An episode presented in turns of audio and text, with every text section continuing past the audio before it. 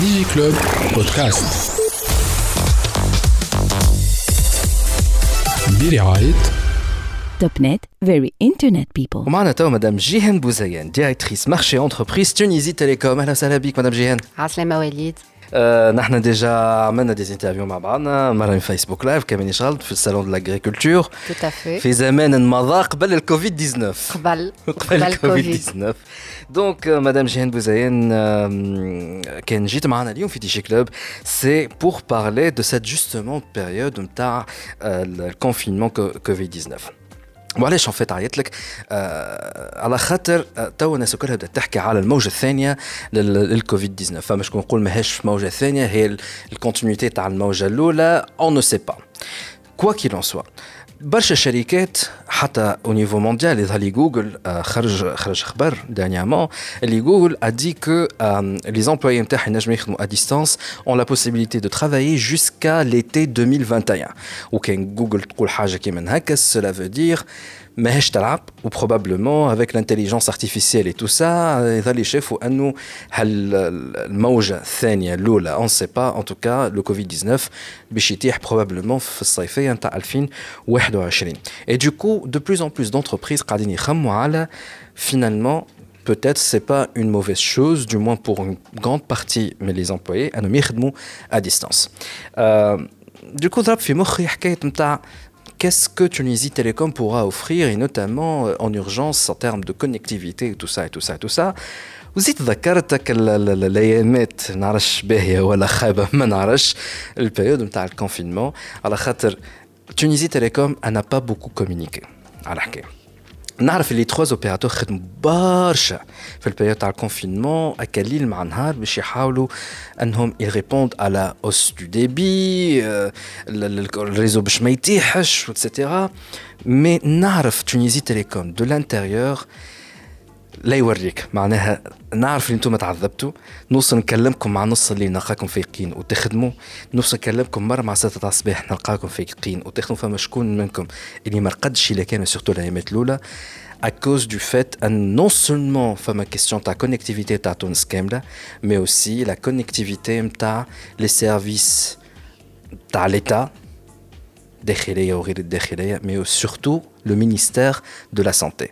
On a Arfeline, Madame Jehine Bouzaïen, donc directrice marché entreprise à Tunisie Télécom, notamment à le volet Hedeka, tout à fait. Le ministère de la Santé, c'est euh, l'un de nos plus grands clients. C'est pas le premier, mais il est vraiment dans le top 3. Euh, euh, c'est un service public, donc très très critique dans l'absolu. Et puis, on n'a pas communiqué, mais là on n'a pas communiqué, on était pris dans le feu de l'action. Mais en interne, on s'est dit, le Colna, que c'était notre rôle euh, en tant qu'opérateur euh, national. On ne l'a pas fait euh, pour communiquer. شنو كيفاش ترجعنا شويه على البريود هذيك وقتها اللي يا l'annonce du confinement général et surtout مع الكوفر فو شنية من الحاجات اللي قعدوا لك هكا في مخك من البريود هذيك شنو اللي عملته الديريكسيون نتاعك انت Alors déjà la, la première urgence, la toute première euh, urgence qu'on avait initialement sous-dimensionnée, c'était le fameux 190. Le centre d'appel نتاع le renseignement على نتاع le renseignement اللي هو il était dédié pour les cas critiques.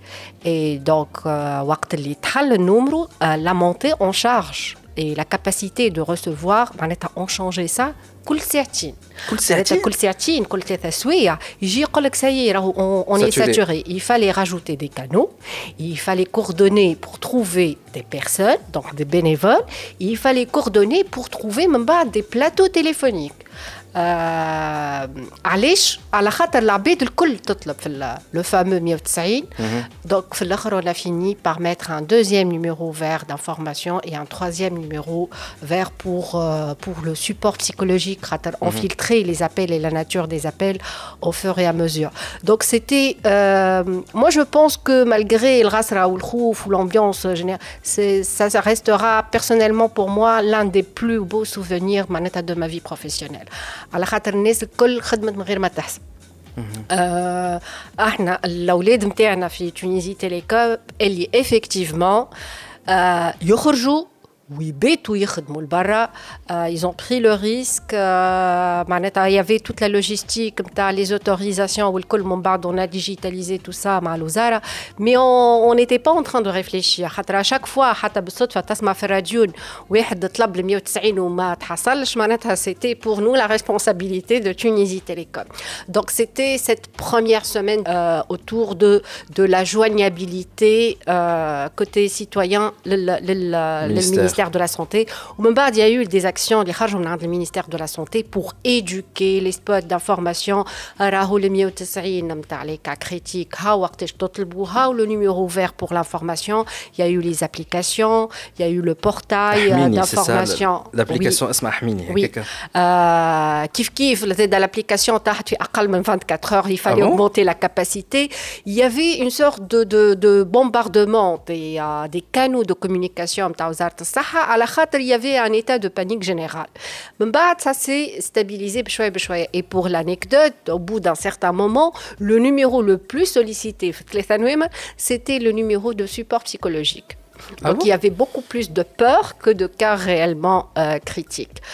Il y a des souvenirs Barsha parce que euh, on a fait la connaissance de plusieurs acteurs ما نعرفهمش قبل دي ستارت اب خدموا دونك تعرفنا على بعضنا في العصر هذيك نتاع دي دي كليون ا نو كي اون دوني دي بلاتو تيليفونيك entiers euh, des étudiants en médecine bénévoles اللي خدموا معناتها avec des shifts pour assurer les 24 heures de, de liaison et c'était une période où في الغسرة تلقى حلول وتفهم اللي انت تنجم تخدم دون مانيير اجيل وتنجم البروجي اللي نورمالمون يتعمل في شهر تنجم تكملوا في جمعه وساعات في تو سا غراس الكوفيد في تونيزي تيليكوم وي علي tout ça dans la légalité, bien évidemment, ce changement de process. C'est pas anti. Euh, c'était pas un changement de process, c'était beaucoup plus d'implication et c'était, euh, la période d'Erika, on, on arrivait tous à raisonner out of the box et donc à trouver des solutions rapides,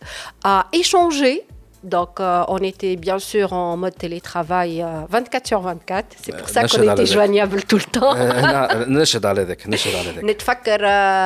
pour l'anecdote, chez bah, le PC fait le cuisine, hein, euh, on bossait dedans.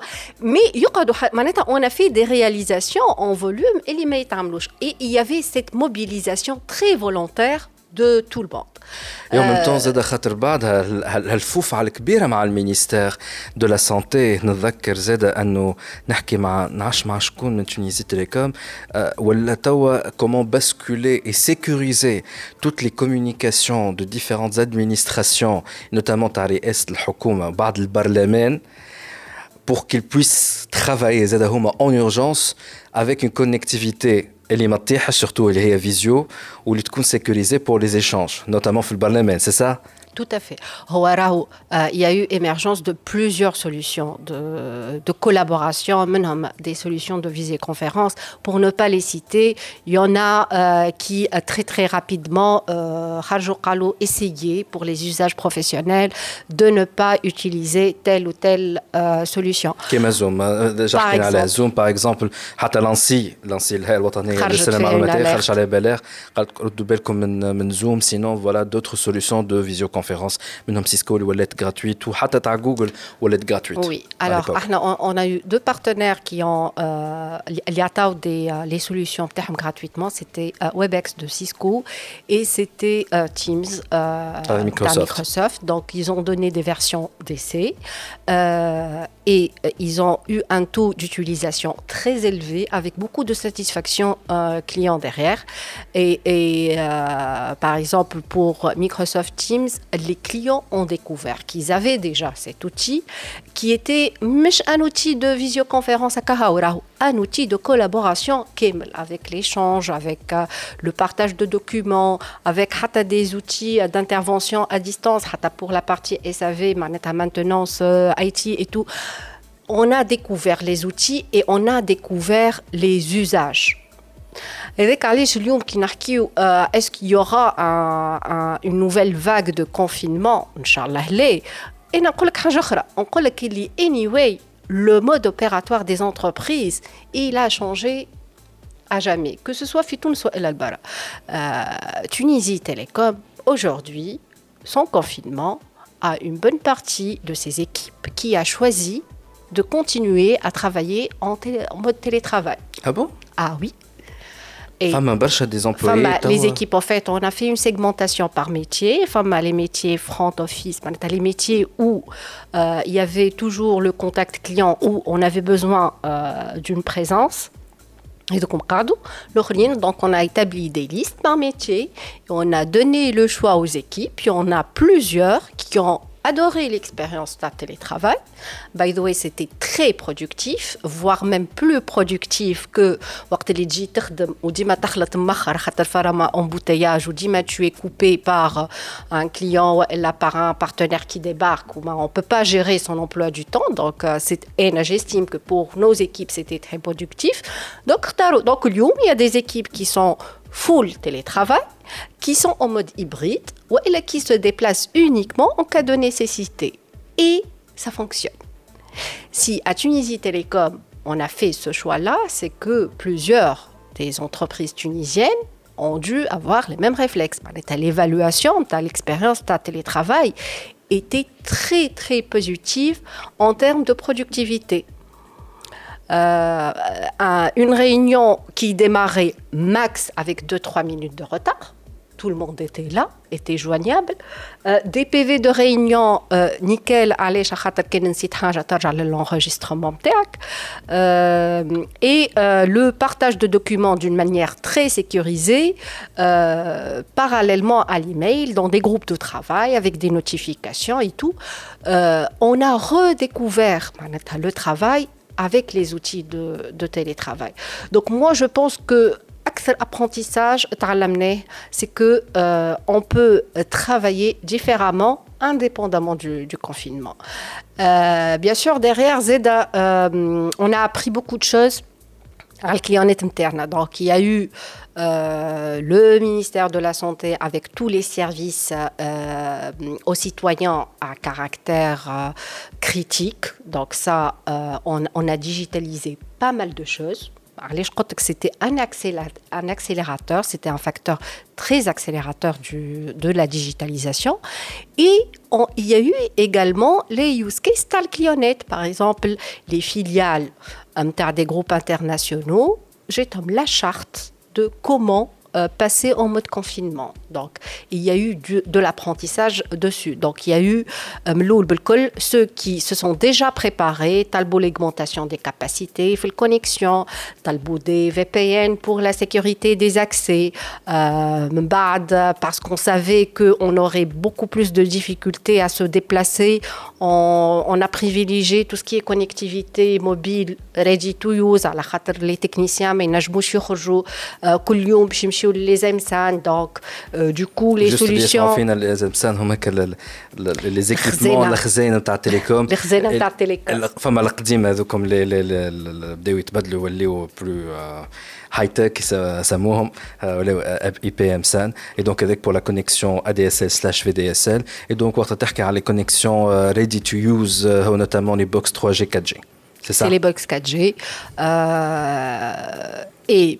puisque Chine a le ready to use ou le 4G, on a réinventé les solutions les كانوا يتحطوا كان على الفيكس كل شيء حاطيناه على 4G. Ah, ça كان عندكم des solutions كيما Teams واحد ما يخدموا كان لا Teams يمشي mais par exemple les solutions de téléphonie euh, les standards téléphoniques on a installé des حقا ديجا فما برشا دي اوتلاين اللي ولاو يخدموا ا ديستانس من ديارهم لي اوتلاينر. Les call centers le use case le plus le plus les call centers الكل خدموا euh, avec des collaborateurs. Quel collaborateur avait euh, une netbox connectée à un système MTO et euh, la téléphonie, dire 4G. Mhm. Et c'était impeccable du point de vue qualité. امبيكاب زاد تحيه للجماعه الريزو تاع تونيزي تيليكوم خاطر خرجت عليهم ديجا ان ارتيكل شكون هو اللي ما نحبش نقول نذكر اسمه يطلع غلط شكون اللي بالريزو يلزم يسميهم الكل les trois grands En fait, le, directeur central, c'était euh, c'est Silas Donc, euh, il avait à gérer euh, les demandes ponctuelles, l'augmentation de la bande passante, le réseau pic. On a eu un pic historique dans la consommation. وجات في البيريود اللي فيها سكاب سيمي 4 مش قصوه pour des travaux de de واحد pour des travaux programmés de maintenance. رصت en Tunisie Télécom ils augmentaient par double triple la capacité euh, pour le backup. اما الحمد لله يا ربي c'était pratiquement transparent pour le client. Il y avait وتزاير كونكتات علينا وتزاير تعديت علينا كونكتات علينا pour le dépannage. C'était le période de confinement تاعهم هما. Oui, علاش نقول لك راهو peut-être qu'on qu'on n'a pas communiqué من الاول ومن بعد on, on s'est dit on était en réunion et puis on s'est dit mais on, nous, on ne le fait pas pour communiquer. On le fait parce que c'est notre position, c'est notre rôle. En tout cas, Madame Jihen Bouzayen, euh, directrice marché entreprise Tunisie Télécom, c'est très bien انه cette période تاع كوفيد 19 خلت الناس كلها خدمت اكثر على الديجيتاليزاسيون تاعها في البارك كليون تاعكم انتوما وزاد حتى تونيزي تيليكوم نفسها معناها dans sa propre digitalisation elle était appelée à faire dix fois l'effort اللي هي pour sa propre pour ses propres process et le process aussi de ses de ses clients لكن justement je me pose la question نحن توا في اخر الصيف والناس الكل بدات تحكي على الفاغ دوزيام فاغ نتاع كوفيد فما شكون نقول لك سي اونكور لا كونتينيتي دو لا بروميير فاغ ومنا ولا منا جاينا توا ان غسالة تنوادر دو برشا برد ان شاء الله تعدى كل شيء على خير تخوا لا سيزون غريبال معاها الكوفيد انا كم انتربريز قاعد نخمم معناها نتاع جو بونس اللي واحد يلزمو il reprend les réflexes de le confinement حتى لو كان ان شاء الله الكوفيد تتنحى est-ce que il y a des personnes comme moi et des entreprises comme moi et les قاعدين يكونتاكتيو فيكم par rapport à ça oui alors, l'IRINE, euh, c'est que le comportement des entreprises est pour plusieurs raisons. Euh, il y a eu l'impact de euh, comment euh, certaines entreprises ont vécu cette période de confinement. Donc, famali mlou ils se sont pris en avance. Famali plus ou moins des solutions provisoires. Il me faut une solution de basculement en mode télétravail que je peux activer ou pas, mais la solution doit être là. Donc, il y a eu euh, les solutions de backup, beaucoup de euh, d'attention euh, portée euh, aux liens sécurisés à la khater fi wast al-ghasra waqt li ma تخوش lien sécurisé même بعد ça paye très très cher euh, les solutions de collaboration donc euh, tout à l'heure j'avais cité Microsoft et Cisco euh, inchallah à la rentrée il y aura le lancement d'une solution avec euh, des moyens 100% tunisiens, une solution de collaboration et de visioconférence et avec de une chat. tunisienne Avec une société tunisienne. Ouais. Donc, euh, euh, c'est prévu pour la rentrée. En fait, à DME, on est en train de préparer un plan pour la rentrée. Allez,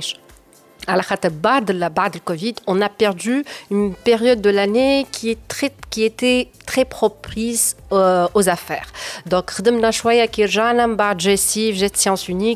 euh, le business ne se porte pas vraiment très très bien. Donc, l'idée de soutenir l'entreprise à la reprise et à la rentrée pour euh, des solutions beaucoup plus rapides, beaucoup plus efficaces, où les euh, les sociétés qui ont été impactées d'une manière ou euh, d'une autre, surtout les impacts économiques.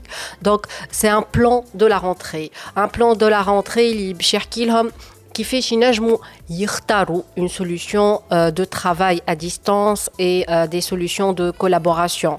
Euh, ça peut être du Cisco, ça peut être du Microsoft et ça peut être une nouvelle solution.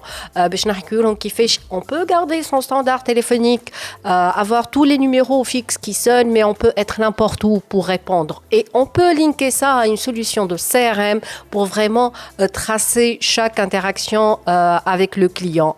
Et surtout, on peut choisir, tant qu'il est temps, de faire, de faire des upgrades sur, sur la fibre et avoir quasiment zéro incident de connectivité à la khatar qui le fibre elle est complètement insensible les qui peuvent impacter euh, la qualité à le cuivre notamment euh, à la DSL Est-ce que في البارك abonné نتاعك انت في les professionnels في البرو في المارشي entreprise قداش je, peux comprendre.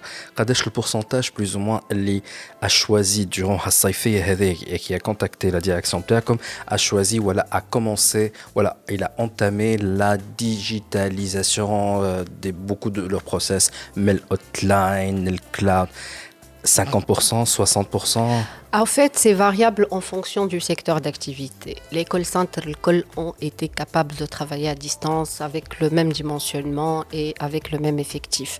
Sauf ceux qui ont eu des contrats suspendus, en est ça a repris. Euh, les banques ont accéléré leur projet de digitalisation ça, ça, se voit un peu euh, partout.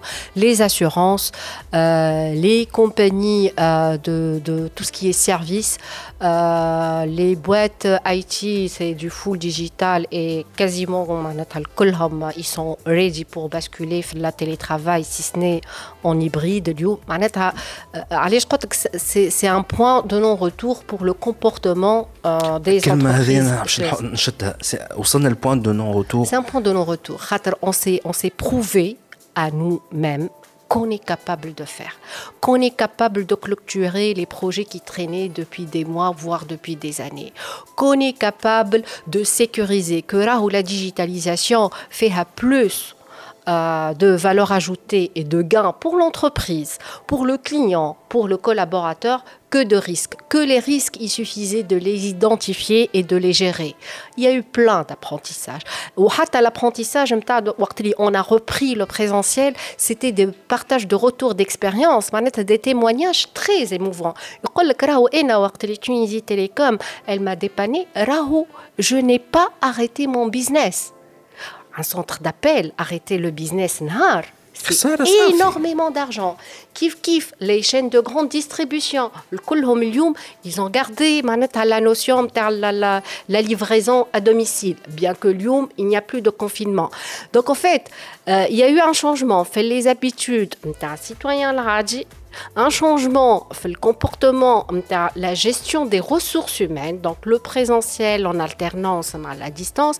Il y a eu des, changements la manière de gouverner l'entreprise. Et Lium on accélère également tout ce qui est projet de signature électronique.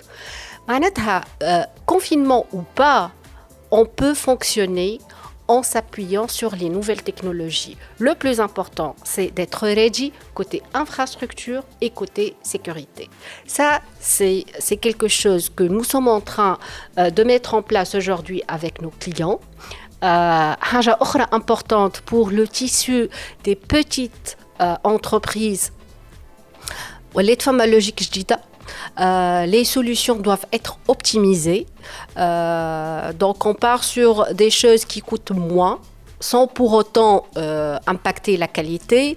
Euh, on la cherche mutualisation. La mutualisation des ressources. Par exemple, Lyon, on ne parle plus pour les toutes petites entreprises. On a lancé une offre convergente sur le même budget. Tetkalam fixe, Tetkalam mobile, c'est la même cagnotte. Tetkalam avec une ligne unique, avec une flotte qui communique, mais ça coûte exactement la même chose. On est un peu loin euh, des entreprises qui dédiaient une ligne de budget entière les communications téléphoniques euh, fixes et mobiles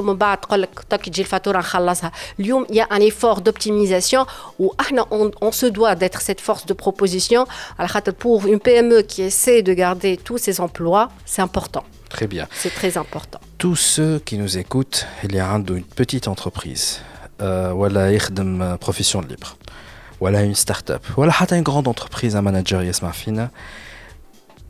Donc, je maintenant, je le point de non-retour avec beaucoup d'entreprises qui ont choisi le 100% digital depuis cet événement et qui s'appelle le confinement hérité par le Covid-19. Et donc, je suppose que la direction marché entreprise Tunisie Télécom a upgradé beaucoup son, euh, son catalogue de produits. Donc, tous ceux qui veulent vous contacter pour avoir plus d'informations, comment ils doivent faire?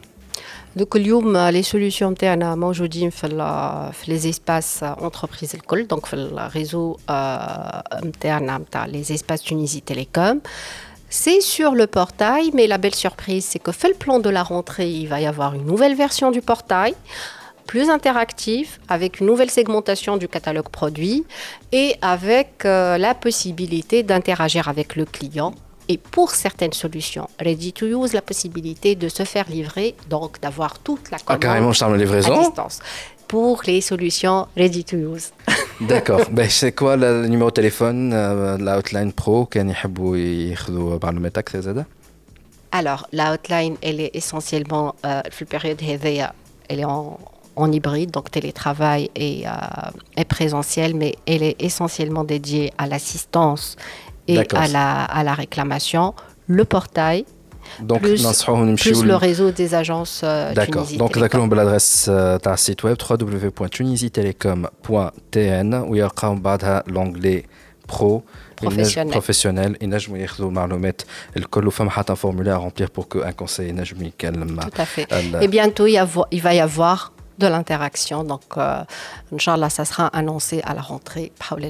Bhawlallah.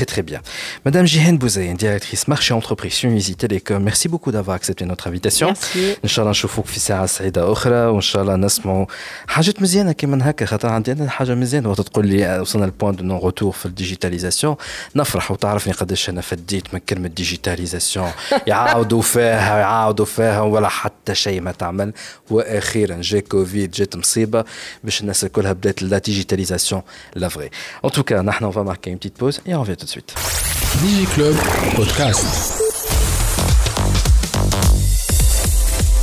Billy Wright. .NET, very internet people.